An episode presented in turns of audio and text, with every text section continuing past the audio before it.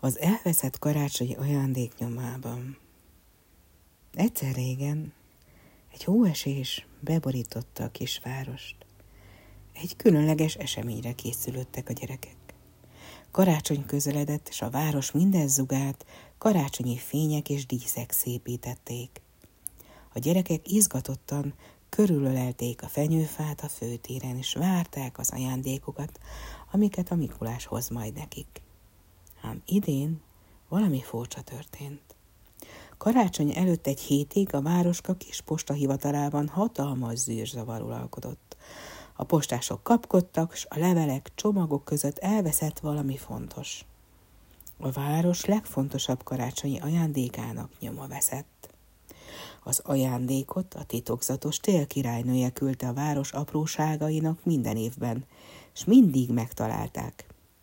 De most az ajándék nyomát vesztették. Egyszerűen eltűnt.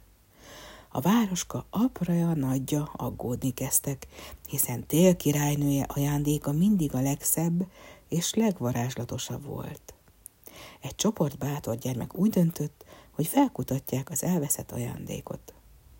Ott volt Mátyás, a bátor vezér, Zsuzsi, a kíváncsi detektív, és Béla, a kalandvágyó. Elindultak a postahivatalból, hogy kiderítsék, hol veszett el az ajándék.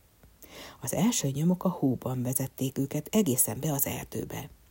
Hosszú órákon keresztül követték a lábnyomokat, és egyre mélyebbre hatoltak az erdő sötétjébe.